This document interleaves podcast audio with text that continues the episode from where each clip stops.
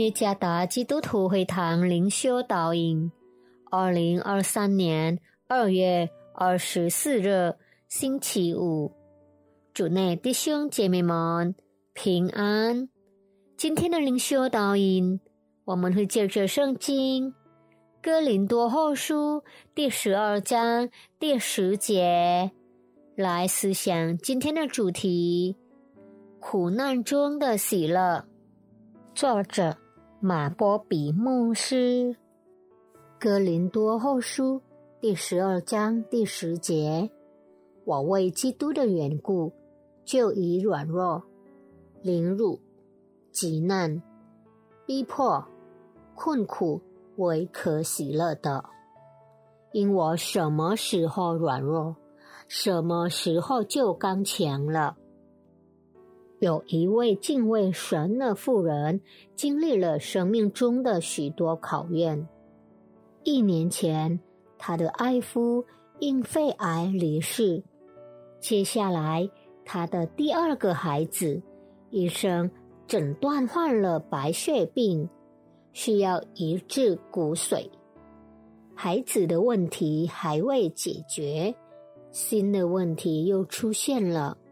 这位妇人自己患上大肠癌，虽然面临这众多的问题，有一件事她可以成为大家的榜样，那就是从没有人看到她的心中悲伤，她没有埋怨神。有一天早上，当她在市场购物时，一位邻居大胆的问她。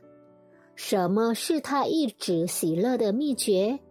他回答说：“最让我开心的是，我看到了在问题背后有神美好的计划，神大能的手一直支撑着我。”在今天的经文记录了保罗生命的见证，神加在他肉体的一根刺，这就是。撒旦猜疑的攻击，保罗没有清楚的解释这根刺是什么，但是我们确信那是一个极沉重的担子。早期的教父，还有路德和加尔文，都认为这是与人犯罪堕落有关的属灵问题。堕落是肉体里犯的。Chrysostom 认为这是与其他民族有关的问题。参看《民数记》三十三章第五十五节，《士师记》第二章第三节。有人说，这可能是癫痫、疟疾或眼疾。一种常见的眼睛问题，这些解释多指向保罗的痛苦或重担。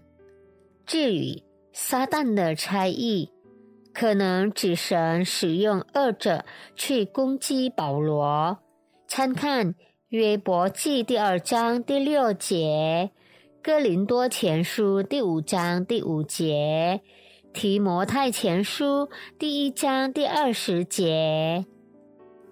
总而言之，因遭受这些重担，保罗就不会因他的智慧和恩赐而变得骄傲。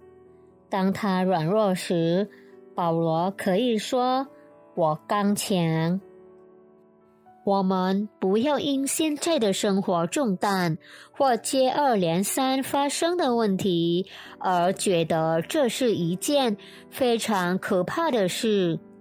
请记住，有时神会使用它，使我们得益处。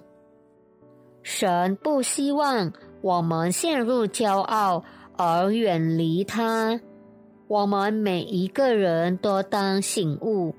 在痛苦的背后隐藏着喜乐，苦难不应该夺走我们的喜乐，反过来，我们要在苦难中寻得喜乐。愿上帝赐福大家。